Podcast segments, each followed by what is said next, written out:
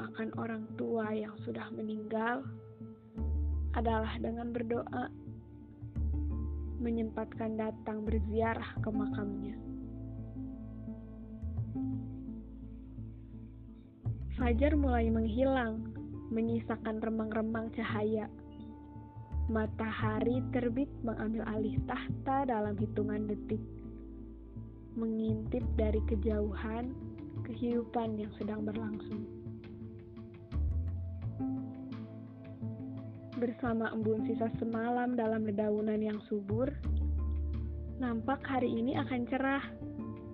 Mentari tersenyum lepas. Ada satu keluarga rukun dan bahagia. Terlihat kasih sayang seorang anak kepada ibunya yang sedang duduk di teras rumah. Mereka tertawa menyambut hari yang dinanti-nanti bagi seorang ibu dan anak yang senantiasa berbakti mengingat perjuangan ibunya.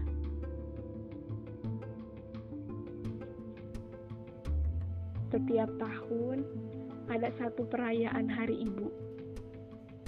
Satu hari yang mengingatkan perjuangan seorang ibu untuk keluarga.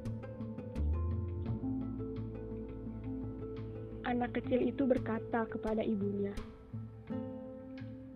"Ibu, terima kasih atas semua pengorbananmu sampai aku bisa hidup saat ini.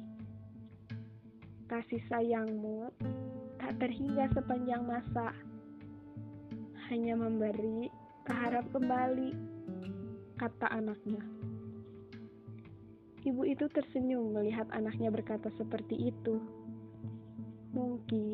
Dalam benaknya bersyukur ketika sang anak mengingat ibunya. Iya nak, kamu yang baik. Jangan pernah lupakan ibu. Ibu sayang sama kamu. Ibu itu memberi nasihat. Aku bisa melihat satu kebahagiaan antara ibu dan anak itu. Akan tetapi, tak semua orang bisa merasakan yang sama. Sama halnya seperti aku, menyambut hari ibu hanya dengan doa. Membayangkan terakhir kali aku bersamanya. Kenapa engkau mengambil kebahagiaanku ya Tuhan? Coba saja ibuku masih hidup mungkin aku tak kesepian. Pasti hari-hari bahagia dengan pelukan hangat kasih sayangnya. Tapi takdir berkata lain. Mungkin Tuhan sayang padaku. Dia ambil kebahagiaan itu terlalu cepat. Aku tak tahu harus bagaimana. Aku tak bisa menolak kematian ibuku waktu aku berusia tujuh tahun. Gimana saat-saat butuh kasih sayang, ibuku menghilang dan hanya memberi kenangan yang tak pernah aku lupakan.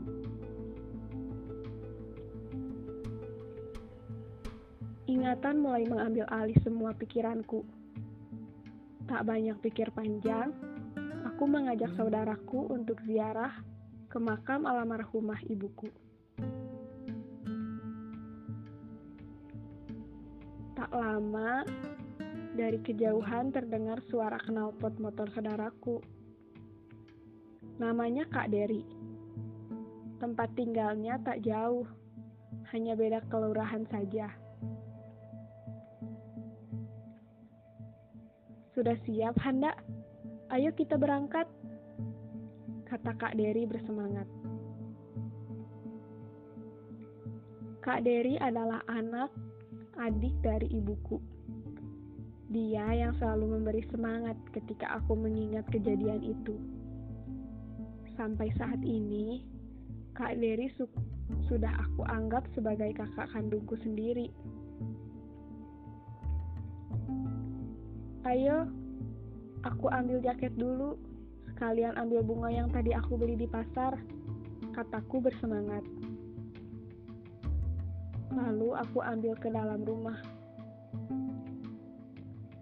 Dan kumasukkan ke dalam tas semuanya. Setelah siap, aku keluar rumah dan mengunci rapat-rapat. Karena aku hanya tinggal sendiri, berhubung ayahku sudah satu bulan bekerja di luar kota. Kak Dery, aku nggak ngerepotin kakak kan? Kakak nanti ada kuliah nggak? Kataku cemas, takut mengganggu waktunya. Tenang saja, kakak kuliah nanti jam 10. Sekarang baru jam 8. Nih, kamu pakai dulu helmnya. Ia memberikan helmnya padaku. Jarak tempat pemakaman ibuku lumayan jauh. Dia dimakamkan di Sinaraga, tempat pemakaman yang lumayan luas kalau jarak dari rumahku bisa ditempuh 30 menit saja. Kita berangkat, kata Kak Dery menancap gas motornya. Meskipun motornya sudah tua, Kak Dery tetap merawat motor itu dengan baik. Karena itu motor kesayangannya, Vespa 150 Super, yang setia menemani Kak Dery ke mana pun dia pergi. Di perjalanan, nampak ada kerumunan orang. Dilihat dari jauh, ternyata ada tabrakan motor dengan mobil sedan merah. Terlihat seorang ibu yang tergeletak, berdarah, di pinggiran jalan tak sadarkan diri.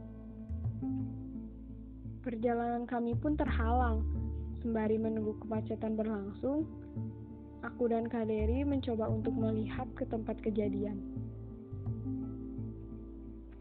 Tak lama, mobil ambulan pun sigap dan membawa korban kecelakaan agar cepat ditangani oleh medis.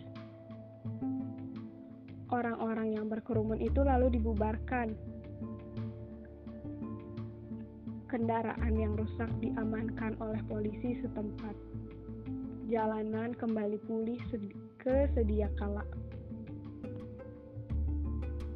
Tersisa seorang pengemudi mobil itu, dan polisi meminta keterangan saksi mata.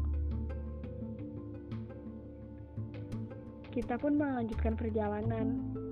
Tak lama, kami sampai di pemakaman. Kita langsung ke tempat pemakaman ibuku, tepatnya di Blok B, dekat dengan pohon beringin yang menjulang tinggi. Ayo kak, kita ke sana, kataku mengajak. Yuk, di mana tempat makam ibumu? Kakak belum pernah ke sini, kata Kak Dery. Karena saat pemakaman ibuku, Kak Dery sedang dirawat di rumah sakit. Ia tak bisa ikut memakamkan ibuku. Kutunjukkan jalan ke tempat makam ibu. Kak Dery mengikuti langkahku. Kita sampai dan mulai berdoa. Sesudah itu, kutaburi bunga yang kucampur dengan air yang telah tadi kubawa dari rumah. Memang hidup hanya sekali.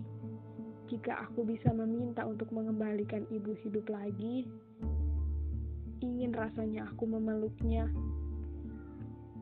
tapi sekarang hanya hayalan saja. Mungkin ibu sedang melihatku di sana. Hidup hanya sekali, Han. Kita harus buktikan, kata Kak Dery memberi motivasi. Buktikan apa, Kak? Kataku kembali bertanya.